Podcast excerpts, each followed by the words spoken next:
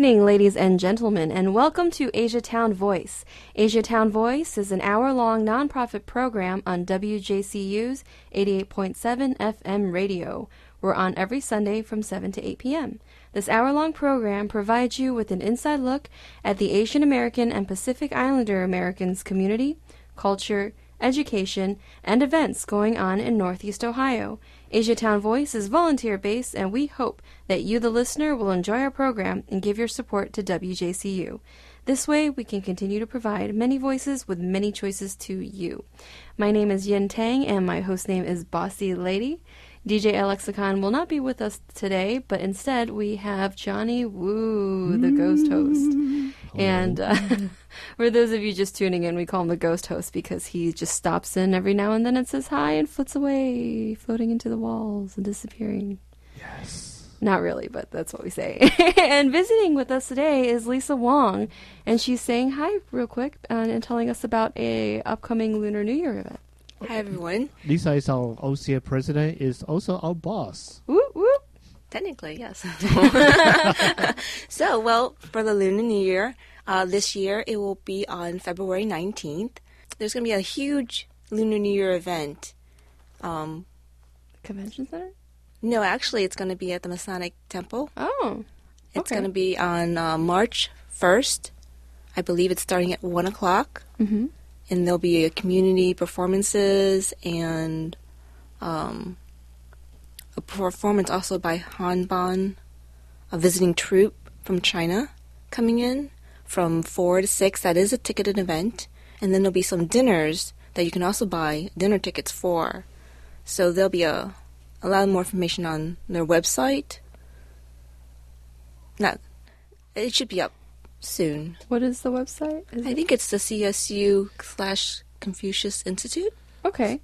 So Google Confucius Institute CSU Lunar New Year event, and then we should find the event page. Yeah, for that one. but most things will be, you'll probably be able to find things on uh, Facebook, especially the OCA GC Facebook. Maybe the OCA GC website might have information once we get it for all the Lunar New Year, New Year events. Got it. All right. Well, thank you so much, Lisa. Um, I know she has to take off early this week. We'll have her back in to talk more with us later on. And So how does work? So you're the bossy lady, and she's our boss. no, I'm just bossy personality wise. She's the she's the real boss. She really gets to tell us what to do. So Okay, yeah, if I were the real boss, it would be a nightmare. no comment. All right, she's gone. We can have fun now. and uh, introducing our special guest this week is Katrina Dubovikova, and she is from the Asian part of Russia in a town called Ekaterinburg. Am I correct? Yeah. All right. Um, so a lot of people, a lot of our listeners, and um, a lot of Westerners don't really know that uh, Russia is a part of Asia, or at least most of Russia is a part of Asia. Um, there's always a misconception that due to their fair skin and uh, lighter hair, that they're actually European uh, based on appearance. But if anybody's ever looked at a map or a globe, Russia largely is Asian. Um, can you tell us exactly where the border is? Um, so hi everybody. um, the border is actually um, the very the there are two parts of the border. One is the eastern, and the other part is southern. So the eastern border between Asia and Europe is right along the chain of the mountains that are called Ural Mountains, and they are located about two hour flight east of Moscow. So if you take off from Moscow, fly east two hours, two and a half hours, you'll be in Asia. And then um, the southern border is is the border with the former Soviet Republic, and now they are independent states. Um, they are Tajikistan, Uzbekistan, Turkmenistan, and Kyrgyzstan. And um, those are really big s- states that are located south from Russia, and they are located nor- north from um, Afghanistan and Pakistan. So that sort of gives you an idea on the map of where the border is. And uh, the town that you're born for in uh, Ekaterinburg, that is known as the gateway to Asia. Am I correct? Yes, um, the city was founded in um, 1723. Mm-hmm. Um, it was founded in about the same decade with St. Petersburg, which is a much better known Russian city, which is very close to Europe. It's most um, western. Um, close to Western Europe city in Russia, and um, St. Petersburg was founded as a gateway to Europe Mhm. to maintain, uh, to build up and maintain relationships with European powers at the time.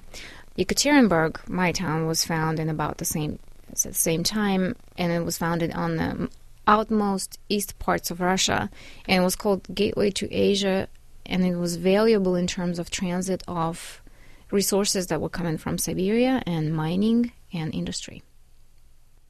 Okay, and um, you were back there recently, am I correct? Or, or I think you you visited St. Petersburg. Now, I visited my hometown. Okay. Yeah, a couple of years ago I was there. And you mentioned that you noticed an overwhelming amount of um, uh, uh, Chinese immigrants there. Is that correct, or just Um, Asian immigrants in general? There, um, well, the face of the city really has changed after the Soviet Union and communism collapsed. hmm What is what three decades ago in the 1980s? So the immigration, it's sort of like a floodgate that opened. So we have a lot of immigrants from um, Central Asian states that are named, and they all come in through the southern border. And there are also growing immigration from China. So immigration from China is the stro- strongest in the parts that are Siberia and the Far East.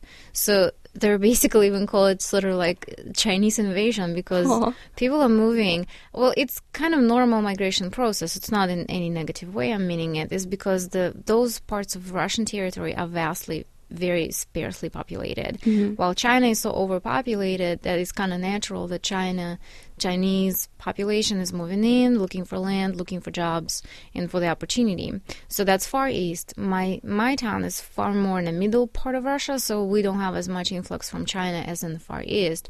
Mhm. But I'm here, and then many rural places around the town. It could be that the half of the village is from China. In fact, Oh, half Of wow. the, yeah, half of the village is Russian, half of the village is from China, and there are lots of Chinese merchants. There are Mhm. lots of Chinese food um, that are in the city. So um, it is a growing population, definitely. But so far, we see more folks from South. So uh, I'm sorry, Central Asia. Okay, and you had mentioned that there is a um, uh, a lot of art and design that's been heavily Asian influenced. How far back do you think this goes? I think that goes really far back. The geographic proximity and just the way people migrate and exchange the, the, and trade. Um, I actually realized how close we're to Asia mm-hmm. after I lived in the West for so many years. Mm-hmm. So, and then I came back to vacation, and then I was, it was kind of very different because, especially in the older style homes for the older generation, there are lots of Persian ra- rugs on the mm-hmm. walls and on the floor, and they're very Asian. They're very colorful, and the design is very Asian. And then um, lots of woodwork on the old construction houses. So the houses of 17, 18, 19th century, we still have them around the town and they're preserved as a historical treasure. And you could see that woodwork is a very intricate uh, wood cutting um, around the window frames and around the roofs. And it looks exquisite and beautiful. But I noticed the same woodwork when I visited Thailand. Oh, really? So the northern part of Thailand, um, and I was when I saw that, I was I was like, that looks identical to my hometown. That is so interesting. so I really had a different eye on how much we're close to Asia mm-hmm. after I traveled the world a little bit.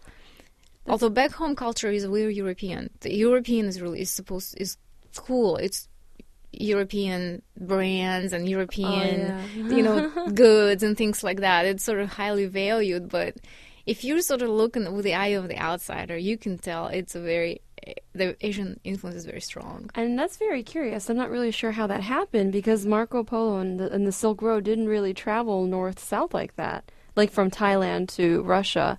So it's a very curious thing. Maybe it was later on the trade routes via ships. I think that um, the art it's sort of passed uh, among the people more, and people migrate. And um, before Russians expanded east, and I'm talking before 1700s, those areas were heavily population populated by um, Asian.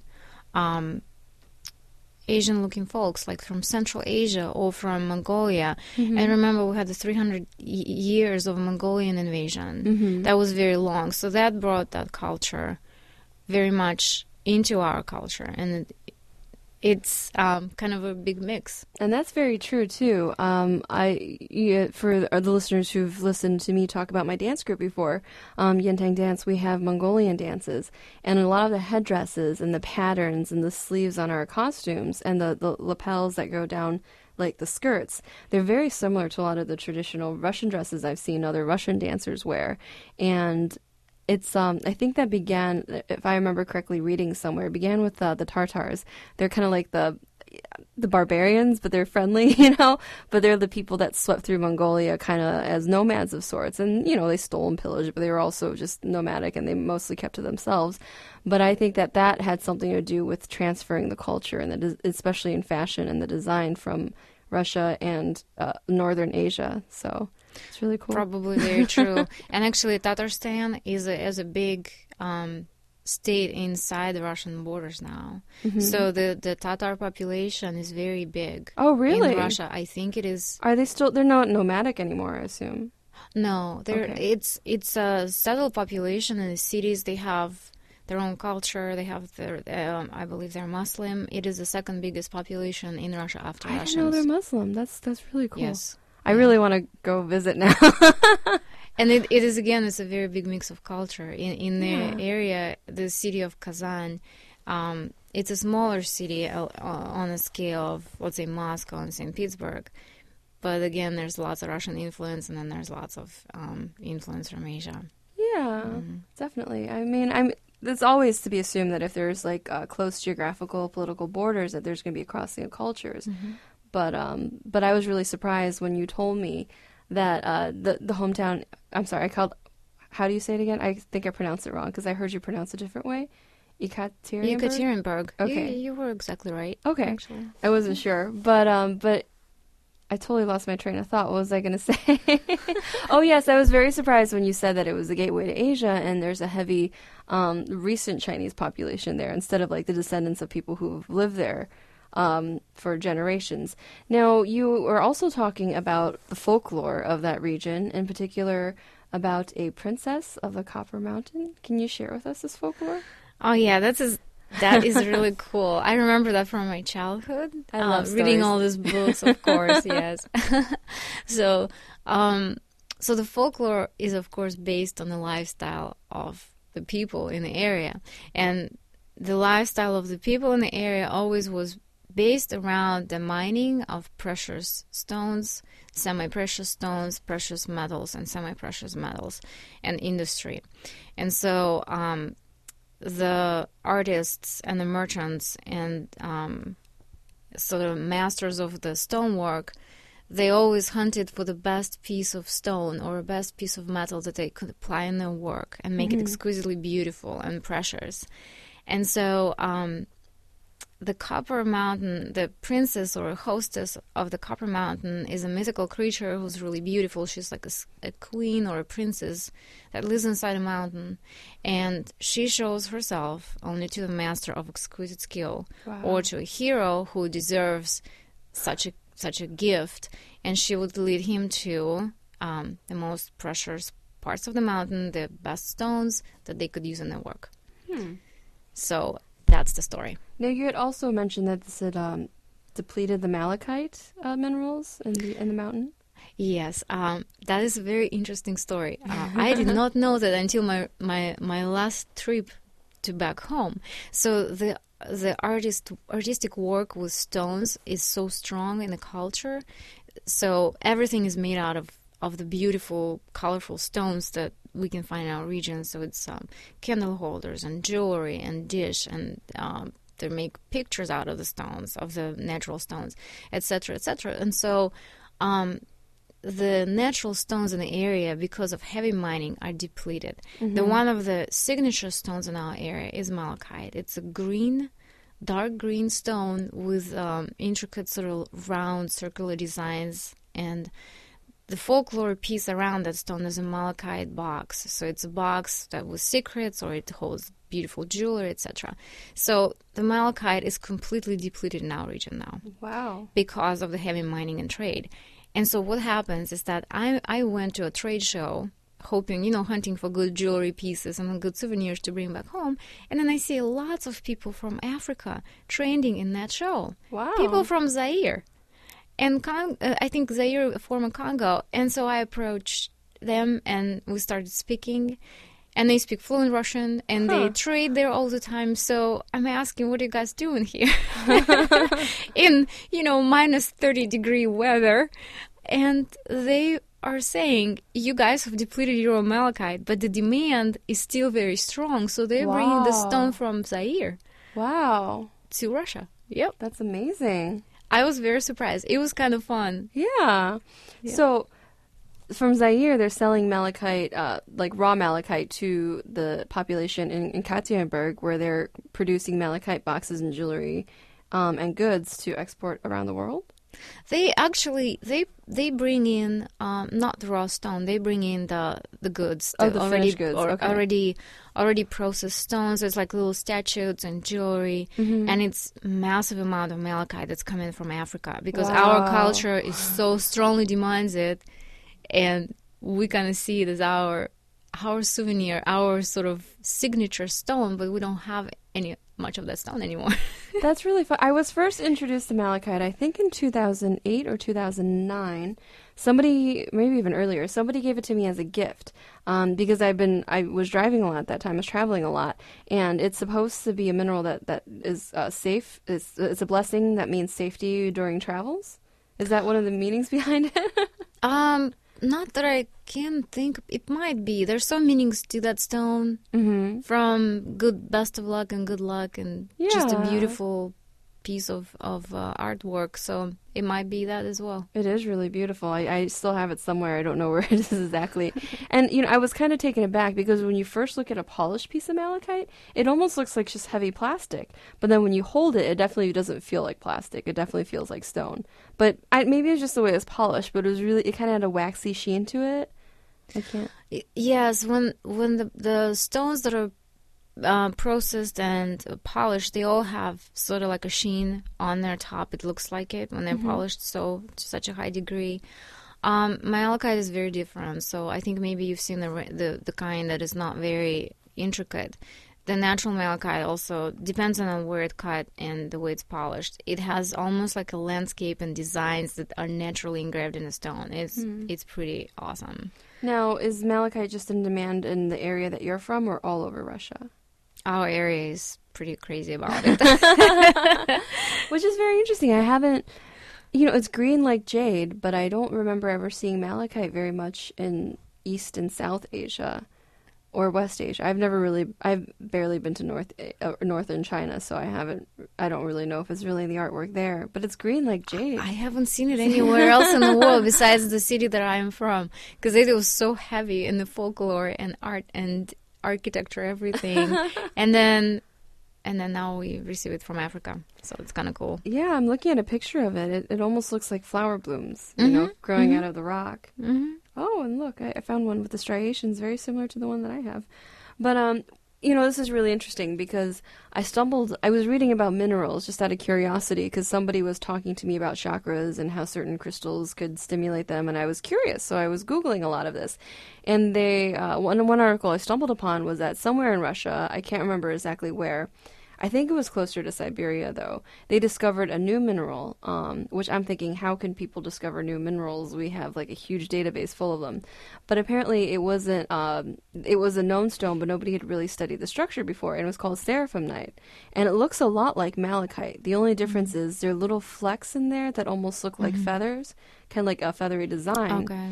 And it says that right now it's it's been growing in demand, so maybe they've run out of malachite now. They're That's- switching over. Maybe. I never heard of it for sure. Um, but moving on, though, uh, you mentioned something about the World War II. Uh, the Oh, it me- was just one of the big pieces of our history, obviously, and um, our area when it's the area of, around the city and the city itself started out as a huge mining and industrial center. But in the in the World War II, when the Russians were retreated with the German invasion, mm-hmm. the entire industries were, you know, put on a railway and moved out east and north, so away from the inv- invading force. And so that's how our city became even more prominent industrial center because lots of industry was moved to to our area. Oh wow. So heavy machinery and metal- metallurgy and all kinds of metal work um, and sciences and military production. It was a very important center for all that, and it started after the World War II because the industry was pulled back so far back east. And uh, you had also mentioned something about the Tsar family execution and uh, and the church. Yes, um, that is a very sad piece of the history as well. Um, after the communist revolution, um, communist um, new communist government obviously they were prosecuting um, the old authorities and all the power, and they um, prosecuted the uh, royal family who were a symbol of imperial power, obviously previously, and uh, the we were never we never knew about this probably until the 80s and when all the information the historical facts sort of became open to us after the communism collapsed but um, the royal family in the entirety of, of the royal family was actually executed in Ekaterinburg Wow. so they were taken from St. Petersburg at that point. Yes, at St. Petersburg was the capital at that point. They were taken from St. Pe- Petersburg, imprisoned, and supposedly executed in in our city. And um, at the where where the historians believe there's so many different conflicting stories about where that happened. Uh, and and uh, there's also a story of Anastasia. Remember the, the the legend that one of the daughters survived, and uh, she's mysterious Anastasia. so, shows up some, sometimes, and people announce that they're Anastasia from the royal family, which is kind of it's funny, but it's not right. But um, so basically, in the city now they've built a temple, the the Orthodox Church that um, honors the deaths of uh, royal family. wow. hmm That's you know, it almost makes you not want to be royalty ever, just in case there's a regime change. You know. it is. Um, it was definitely very brutal, and it is called the Church on the Blood because um, supposedly around that area is that what ex- ex- execution happened. Well, it's very nice that uh, there's at least some remorse, and they've erected a monument of some Mhm, sort to, yes. to remember, to show that you know that they didn't. It was just a political thing, and it was inevitable. But it was like you can't really say no hard feelings because how can you say no hard feelings to something that brutal? But it's nice to know that there's some sort of remorse being shown. hmm But um, ladies and gentlemen, we're going to take a quick break, and we'll be back to talk more with Katrina.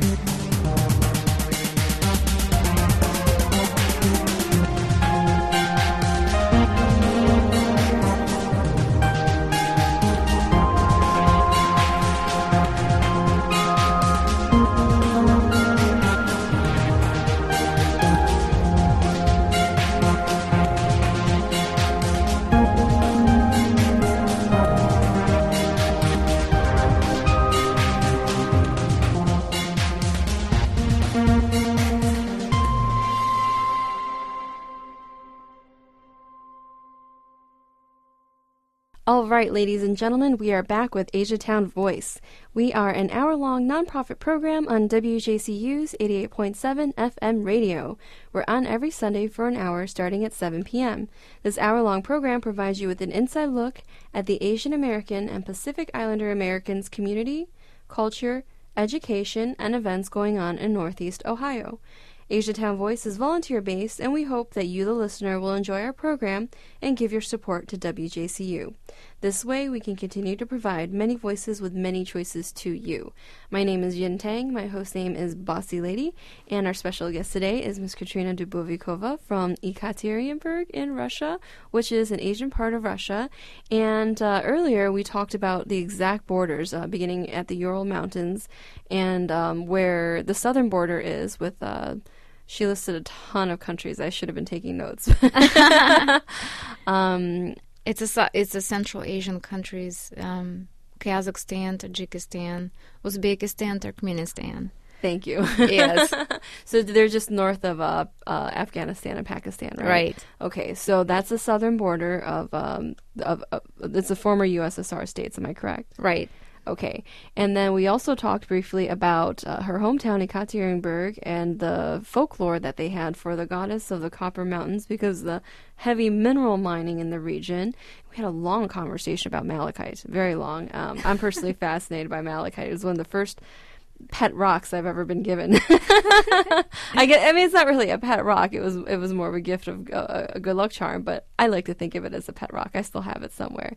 So moving on, we're going to talk a little bit more about uh, Ekaterinburg, and. Uh, I found out recently that this is just west of Siberia. So I guess my question is, how's the weather over there?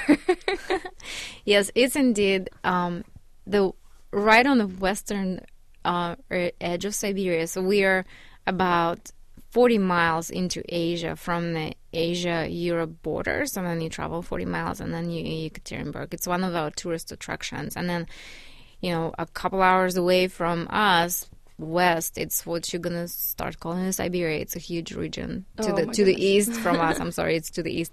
So the weather is, of course, that's the first question I always get when I say that I'm from Russia. Is the first question. It, it got to be very cold, and you got to be liking this weather here. So, um, no, I really, I really like tropical weather. It's not a joke. It's not a joke. but so right now, I'm, I'm looking at the weather, and right now they have minus 13 Fahrenheit, and it feels like minus 28. The cool thing about weather.com is I, I can actually look up the weather around the world. So I sometimes look it up just to compare. and the best comparison to winter back home would be the winter last year in Cleveland Oh my goodness. when we froze continuously from remember January, February, March, and into April, and that's over there. It starts about November and it ends about April. I, you know, I couldn't even handle negative four degree weather. Taking out the trash, you know, I feel, I felt like it was so cold, my eyes were watering up, and then I could feel my tears freezing on my face. It was pretty bad. They're typical. It's, that's typical oh, situation. really? yes. As soon as you get out of, of indoors and into outdoors, you freeze and you your eyelash. You can see your eyelashes and they're all white. Oh. yeah. but so you, so you don't really complain at all about Cleveland weather. I complain all the time. Oh, really? Yes. I, when it's cold like this, of course. I mean, I mean, at least it's not like last winter where it was, it was pretty brutal last winter.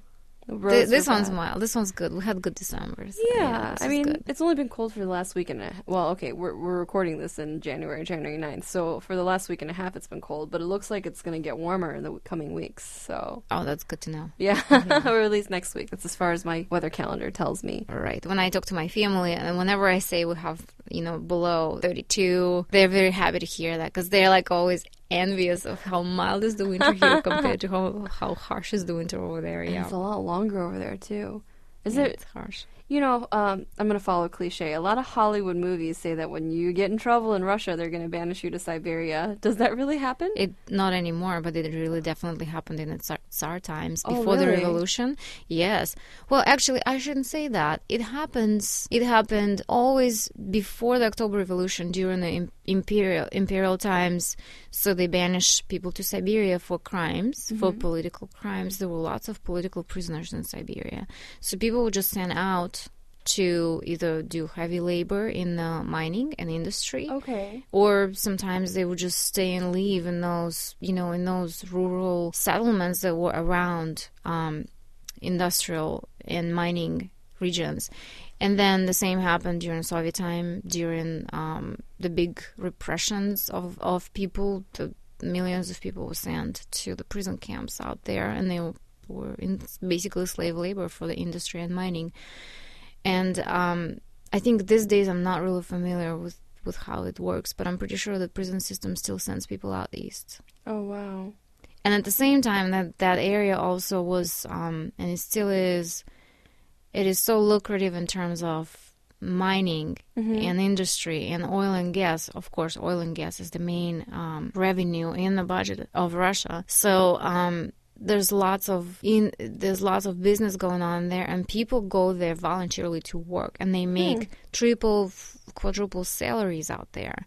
So it was like sort of like compared to you know compared to other regions because the conditions are really harsh. There's no infrastructure, mm-hmm. so you basically live in a very isolated region, and all you do is you work. And people would bring families there, but it was just to increase the incomes and bring in some savings Okay. and then people would get sort of permissions to stay in the bigger cities because during Soviet times they were the government was regulated where you could live. So where you were born in Yekaterinburg, mm-hmm. you can just move to Moscow. They have sort of limiting the population migration because naturally then everybody would try to live in Moscow because it's one of the better Yeah. places.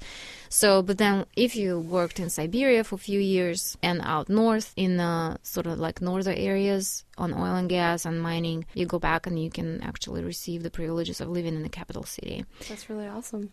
Yeah, it, it's a hard it's a hard labor because I mean, if you think about this, it's so far north. The polar night starts, so you basically six months in the darkness and the cold I, I and isolated, but you make quadruple salary. So, what made you like the tropical weather? Because um, for those of you who know Katrina, she does samba, Brazilian dance around Cleveland here sometimes. That's so it's confusing like a right now. it's like a hobby of, of sorts. Um, but she does a wonderful job at it. Oh, thank you. Oh, and I she's taught so me how to do it. And I'm still trying to get down some of the little moves, the little intricacies of the moves. But but what made you interested? I mean, is it is it a draw to the tropical weather, or is it the dance that drew you to the tropical weather? I don't know. I think the weather is just pleasant. Um, But the Brazilian culture was always, I just thought it was such a happy culture. Mm-hmm. Um, our culture is a little bit somber. I mean, we, of course, we have funny things and great humor and all that. But when you listen to Brazilian music, you just want to smile. You kind of feel like the sunshine is shining somewhere. That's that's my feeling. Yes, you know? that is true. so so when I first saw Brazilian dance dancers at the carnival, I was a teenager and I saw it totally fall in love with it. And the way they dance is completely different from the way the Russians dance, and I just fell in love with it. And then when I moved to Cleveland here, the the Latin community is so strong. There's so much opportunity to learn. I kind of gradually was drawn to it and then learned.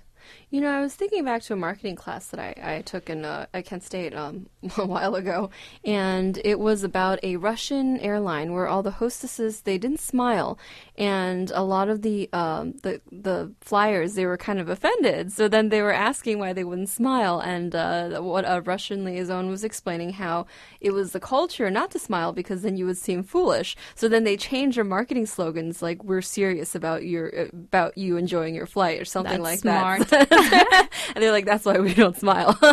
but uh, it's something to that effect, and it was really clever, and everybody loved it, at least in our class. So, that is very true about culture. is it really? Yes. that it's foolish to smile. Or? it's just not in the culture. It's just not. It's just unusual, you know. People are a little bit more somber, but if you notice that European culture is a little bit more somber too, as American culture is very smiley and a little bit loud and very articulate. So our culture, when you talk about, when you think about language, the way we express, we're not as articulate, as as loud, is more sort of somber tone of voice, and and um, there's just not a lot of smiling going on. Not at least not in American way. So I think that is a very clever marketing ploy because it's more natural. People are very serious. I'm not sure what what it's. It's maybe the weather. maybe I mean we have a really harsh history of lots of persecution and it's a long history of difficulties for lots of people. If you think about, I was also thinking about that when I Oh, was really? visiting home, and then I realized, you know, you can't blame people for not smiling. It's Mm-hmm. it's um it's a very different history in Russia than from many other areas in the world, and so um it's actually much better now. Um, much Hmm. different from what it was used to be before, and you can see people smile a little bit more, but definitely not the same as as here. You know, I remember a conversation, I think from maybe five years ago. This man I was talking to, he, he traveled the world and uh, he was in Russia. But the funny thing is, he actually also played Mr. Bumpus in the Christmas story. You know, the- Okay. the, guy with the dogs that ate the turkey. Not sure. Um, but unfortunately, like the scene where they actually had him and it was cut out of the, the final of the movie, you would have to uh, get like a rare director's cut Oh, Oh, okay. version to see to see him. But I met this older man and he said, um, ah, I can't remember. It was either the 60s or the 70s when he had traveled to Russia. And the thing is, like when they would look at women, they didn't look at their face or their bodies because they were all bundled up, but rather they would look at the shoes that would wear to mm-hmm. determine like how attractive they were. Like apparently, the sh- Interesting. they use shoes to portray their personality hmm. and and also wealth in some to some degree. But since there was a limited like a product line or whatnot, but You know, the culture might have changed a lot from the 60s and 70s because when Oh, I I, tra- yeah. when I travel back home now, is that what amazes me about Russian women is that in any weather they look awesome. they they are the you know the skinny jeans and the little jackets and the stilettos and it's like wow, 12 inches of ice and i am i am the one bundled up you know. I only have my eyes open and everything else is bundled up because it's so cold and uncomfortable but the russian ladies are rocking it i'm telling you in any weather it's the hair it's you know the stilettos and heels and mini skirts You know, I think that's- fashion show compared to how we dress here is very comfortably and modestly back home is a fashion show in any weather Yeah, I think it's just Cleveland is a little more uh, down to earth. I guess is the way to put it. Uh, that's true that's true yeah you know, I I we we actually did the show a little bit earlier than intended, and I rushed out of my house under my snow pants. I'm still wearing my pajamas right now, so oh, shh, I'm just wearing snow pants. That's fine. Well, I came from work, so yes, Yeah. you you look very nice, um, and we'll post some photos on our Facebook page. But what I what I meant to say is, it seems like a lot of women now are not dressing appropriately for the weather, and for me, that that's a concern because my muscles get cramped up with the cold. But I think it might have something to do with our ease of transportation now. People are no longer walking for miles outside, but it hasn't been that way for a couple decades. though, I, so. I I think it's more the the Cle- Cleveland is a smaller city because if you're in a bigger city like New York, people are walking everywhere anyway. Uh, so and there's back home- subways too. Yeah, to but back home is the same the same story. You're outside a lot before you get to public transportation. There, are, of course, lots of people in the cars, but it's still um, you're outdoors all the time. It's it's cold. Yeah, and yeah. and then you you're you know public transportation even when you're going in, into a car you know just a truck from a parking lot to anywhere you go and it's pretty brutal Yeah. Wow, I just I can't imagine how they can do that. I mean, I, I, to be fair, I've done it a few times when I was younger, but I've maybe it's because I'm a dancer. I've been more protective of my muscles and my joints, so I've always bundled up no matter where I went. So That's true. You know, it's kind of actually cozy. I I always felt the same way you do. Yeah. But my last visit, I I spent a few months there. I was very lucky. I was able to do that. Um, and it's kind of cozy. Like that's Yeah? how I felt more versus ne- you know, kind of like negative. Oh my god, I'm afraid of this cold because you always sort of cozy inside, and then you always Mm-hmm. bundle up, and it's kind of cozy. And and then I actually traveled through Finland um, Oh, this time, and I noticed that Finnish culture is very much the same because it's very dark and dreary during Mm-hmm. the winter time, but it still is very. It feels very cozy. So when you go inside, and then you know there's like saunas and salons inside that are very welcoming and warming. So it's like Mm-hmm. Russia is very much similar to that. And so enclosed spaces where you have to be close to another person because it heats up better and whatnot. Um, I wouldn't say so. I mean, it's it's crowded just because it's a big city. It's a it's a pretty big city. It's about probably the statistical official is um, 1.5 million people, but we think it- there's so, with so much migration, there's no way the census could count everybody Yeah, who is undocumented migrants. We're probably closer to a million, we think. No, no, the reason I said that was um, when I spent winter time in China, they don't really turn the heat on. Um, they they have the heater. It's it's not like a uh, what do you call that? Where it goes through the entire house. It's not a central heating Uh-huh. unit. They have standalone heating units, like kind Oh. of like a giant space heater, I guess you could say. But it blows warm air. So as a result, you have your friends and family sitting close together in like the dining room, like all huddled Oh. together, and it's it's cozy. You know, Mm-hmm. personal space does not exist. Oh It's not not like it does here. So I think it's. I think Russian culture would be right in between, between sort of Asian culture, which is very sort of almost cuddly and, and close to each other. I noticed that when I was traveling to, to Thailand, big families always live close together, and everyone is very, very close. So Russians is sort of like a mid-range, and an American personal space is obviously very huge. Mm-hmm. So like when when my mom travels here, she ca- catches herself that she would approach people too closely yeah. to according to American culture, but it's okay according to our culture. Plus, we're a big city compared to Cleveland, and Mm-hmm. I, I also I live in Akron actually. So, um, yeah, so there's a different difference between the personal space, but Mhm. we're not near an Asian lack of personal space. yeah. so we're like in between. Now, I guess my question is, um, you know, my mother's family's from Chongqing, and there's something from my early childhood, like before three years old, that I completely forgot. But when I spent the winter there, is sometimes they would have like um coal burners, like a small metal plate, I guess about the sa- size of a fire pit, but slightly smaller than a standard fire pit, and they would actually have coals in the house, smoldering coals to help heat heat them. Interesting. We, we in the older houses in Russia is the same. Oh, really? wood burning um so it's a wood burning it's sort of like an oven i don't even know how to call that sort of like it's like a fireplace rather like a Mm-hmm. chimney and a fireplace that goes in the center of of the home and it's made out of stone and what it does is it warms and you cook on there. And it burns natural wood. And then the coals that remain they remain overnight and then they continue to heat up because the the coals obviously they um, give out a lot of heat. This was like actual. I mean, what I witnessed was actual like mineral coal, and there was no chimney since it didn't Oh. smoke at all, and it was just smoldering in the middle. Of the, Interesting. it was amazing. It's like I remember this from my childhood. My cousin's laughing at me. She's like, I, never really thought of she. She never really thought about it because she would still see it occasionally. But I was so ecstatic because it was like a memory I had forgotten. That that is interesting. so how does it work with with the quality of air? Um, I think they it's just the smoldering coals that they bring in when it's no longer smoking. I mean, usually they're in pretty uh, open rooms. I mean, smaller rooms they probably wouldn't need it. But Because obviously, when we do the the wood burning, um, Mhm. it is a very strong. wood does have a lot of smoke. yeah, yes. it has a chimney, and I remember that in the older homes that I've ever visited, that when they sort of mix up the wood and make it burn a little better, Mhm. you can hear the wind going because it was it's just taking out all that smoke from the house. Our So chimney flue is currently frozen shut. I just thought I'd bring that up for no reason at all. But anyway, um, moving on to the next topic. Did you have something to add? Oh, that was great. That was my great Asian adventure. Yes. Because I think you said you booked it as sort of like a, a a getaway resort kind of thing. Yeah. And then you were sorely disappointed the first week. yeah, I was just I don't know I wasn't hold on one second. I was just the whole the couple of things that I wanted to going back to how much um, immigrants we have now back home from Asia, from China and Central Central Asia first and then China second. The culture started to change, you mm-hmm. know. So and I think it's very typical to how immigration works here too is that certain immigrants group they take on certain businesses that they they do in a city.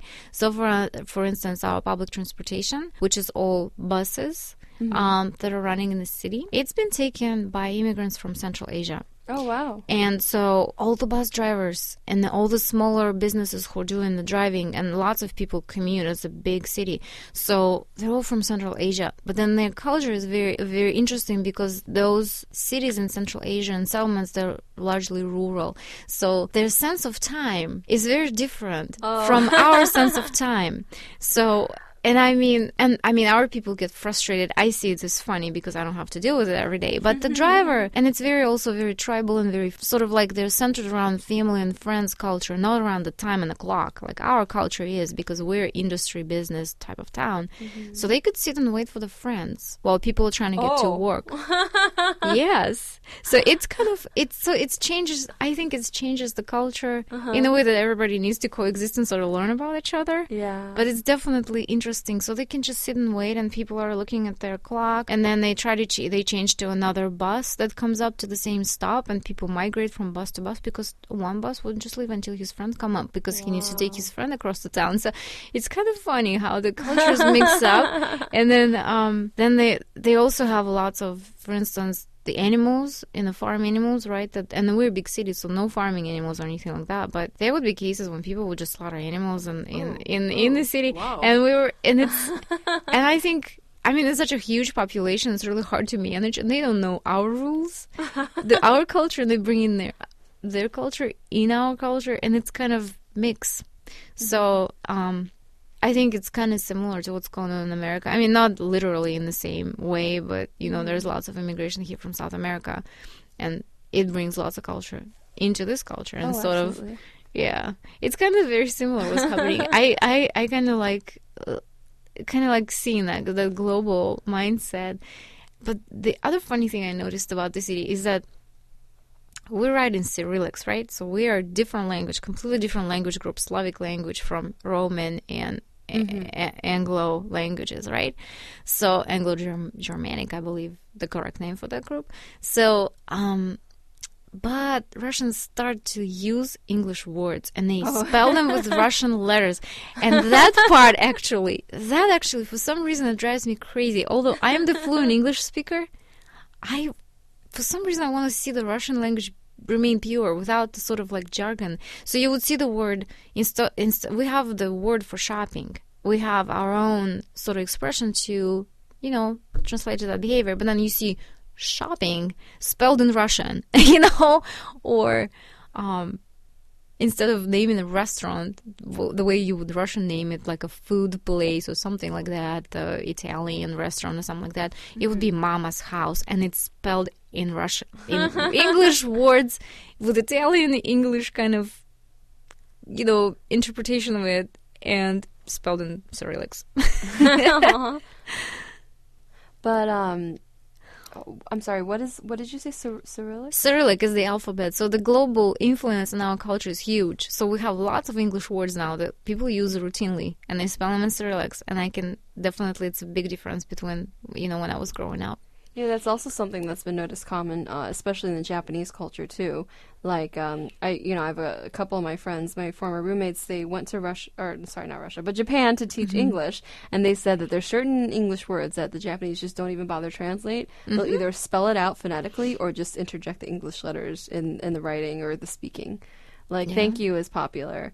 Um, that's the only one I can think of. Like, they'll say thank you instead of saying Oh, I'm having a brain fart. I forget how to say thank you in Japanese right now. Arigato. There we go. I had a brain fart. Uh, pardon me. But but yeah, you know, it's very interesting. Um, English is definitely becoming the dominant language. It's global language. It's good to see that because it sort of like breaks up the barriers and helps the business. But then at the same time, it's like we have Russian words for that. Why don't you use them? I, I can agree. It would seem silly because sometimes, even when I was in China, I would see these I, new age Chinese names, like Chinese slang terms. I'm like, oh, that just feels so weird. But it's because I haven't been growing up in that culture. I'm not. It's like them coming over here and seeing a hipster. They're like, what? Uh, you know, they wouldn't really understand. So there's there's a little bit of a subcultural difference there too. But um, but what about when you went to Thailand and you did the yoga? Uh, I I don't want to call it workshop. It was kind of a retreat, I guess. Oh, uh, it was a great adventure in Asia, and actually the Asian part of Asia, the Southeast Asia. Um, yes, it was. Um, I really loved it. So, um, I kind of the yoga always been. I was sort of always familiar with the fact that yoga exists, and yoga is obviously a very big part of Asian tradition, right? Of um, tradition from India. So, um, yes, I just they just wanted a couple of days on the beach with a yoga instruction, and I googled yoga Thailand beach, Mm-hmm. and then what I ended up in in in the resort for Ashtanga yoga, which was extremely disciplined and extremely oriented just to yoga. And at first, I was a little bit, I was a little bit um, disappointed in that because, well, when you're in Thailand, you want to, for example, eat all kind of food, right? Meat, fish, especially seafood is so fantastic. And that resort was, was vegetarian, and I thought, well, I'm gonna go out to other to other resorts around the area. Um, it was on the island Koh Samui, um, and uh, but not only I never went out to eat anywhere else, I came back a vegetarian. So which was completely unexpected. No, it was a fantastic um, resort, Yoga Thailand. Um, that is um, the the leader of that resort and the director is Paul um, Dallaghan. He is one of the um, direct students from Pattabhi Joy, is the founder of Ashtanga. So it is a very deep study of traditional Ashtanga, and um, I think. Um, that kind of started me on Ashtanga yoga, and I never stopped after that. Yeah, Have you ever done yoga before this trip? Just in general with a with a generic yoga CD, but I, I realized that it is a completely different discipline when you really study it from a traditional teacher. Okay. So, uh, what about the culture? I mean, did you did you actually get to leave the resort? Did you actually get to travel around Thailand? Oh yes, uh, it was the greatest part about my trip. I think was that I had friends in Thailand who are from Thailand. They live in Bangkok, Uh-huh. so I met my friend Joy and her husband like here when they were studying in Akron U, and I was working, and they were graduate students at the place where I worked. So we kept in touch, and then I came and visited them. So I actually went to all the places where tourists don't go at all. So I went to all the places where Thai people eat and uh, where they like to eat. So it's very different. We went. I remember that I really actually loved it. We went outside of the city um, into a rural area, and that was the best place for the. Everybody knows it's the best place for the for the river. What are they? Crabs or um, sort of like shell seashell animals, but they're freshwater, Oh, snails, not snails. They look like crabs. crayfish.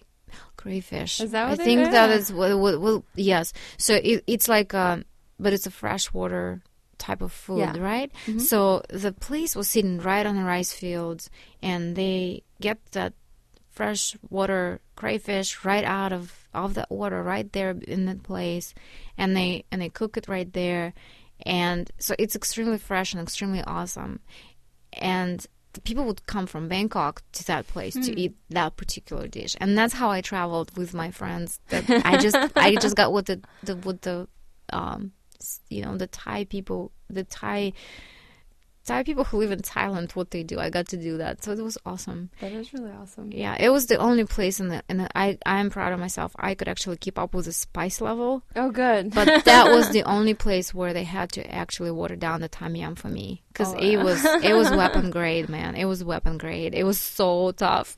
and, and tom yum soup is, is actually really wonderful. I have um tom yum flavored covered peanuts at home that I bought at the Asian grocery It's store awesome. here. It But is really good. Sometimes it's weapons grade. It's really hot. Did you ask them what kind of pepper they put in there? Oh, I'm not sure what kind of pepper it is, but I remember that they had to water down water it down for me because I couldn't handle that one that one place. Now, Yeah. now, um, what about when you traveled to South Africa and you lived there for a while? What was the f- it was North Africa. North Africa? Oh, Uh-huh. I'm sorry. Um, so when you travel North Africa, what was the food like there? Uh, interestingly, we didn't eat much of the local food. Okay. So we ate the way we ate. Well, let me let me say. Let me take that back. So it's a Mediterranean country, Algiers, right? Mhm. So we stayed right on the Mediterranean shore. It was so beautiful. So you know the mountains, the Mediterranean Sea. So the olives, dates, uh, fruit, um, oranges. Lamb. I mean, it's just like when you eat a mango in Hawaii. It's a completely different fruit than what you buy here Yeah. in Giant Eagle. So it's just like the same difference. It's beautiful, and um, maybe maybe that's why you love the tropical weather so much. maybe I started out that Yeah. way. You know, it's not tropical there though. It's, not. Well, I mean, it's it's warmer. It's, very it's warm. breezy. It's by the uh, it's by Yeah. water, a large body of water. yeah, So yeah, and it's mild winter, and so then the local food is more. Let me try to remember. The sweets were different. Uh, lots of rice, uh, cooked in a, in a variety of ways. But it's more like Middle Eastern way to cook cook the rice versus the Asian way. So different spices and Okay. things like that. So nothing weapons grade spicy. No, no, no, no, no, no. It was it was very um very much tolerable. Yeah. Okay, and just uh, for the listeners, you were there during your adolescent years, am I correct? Mhm. All right. Well, we are nearing the top of our hour, so we're going to do a brief wrap up. Uh, we talked a little bit about the migration and the subcultural uh, mixes between the uh, Central Asian um, rural area migrants who are in Ekaterinburg working as bus drivers. Very interesting story. And we talked more other jobs, but that was one, one of the, one of the it's merchants and bus drivers and you know construction workers. But I thought the bus drivers was kind of funny because yes, the, the timing is very different in our culture. I, I enjoy it. I mean, there's definitely uh, what if DJ Lexicon were here, he would say, "Oh, they were running on Filipino time," and I'm sort of like that. but uh, but I guess he's really running on Filipino time today. He's not here yet. Alex. He's not gonna come. He's uh, doing laundry. Oh my gosh, uh, the ghost host has appeared. Hello. Hello. but um, but we also talked briefly about the uh, the czarist uh, regime that has left and uh, some sad stories there.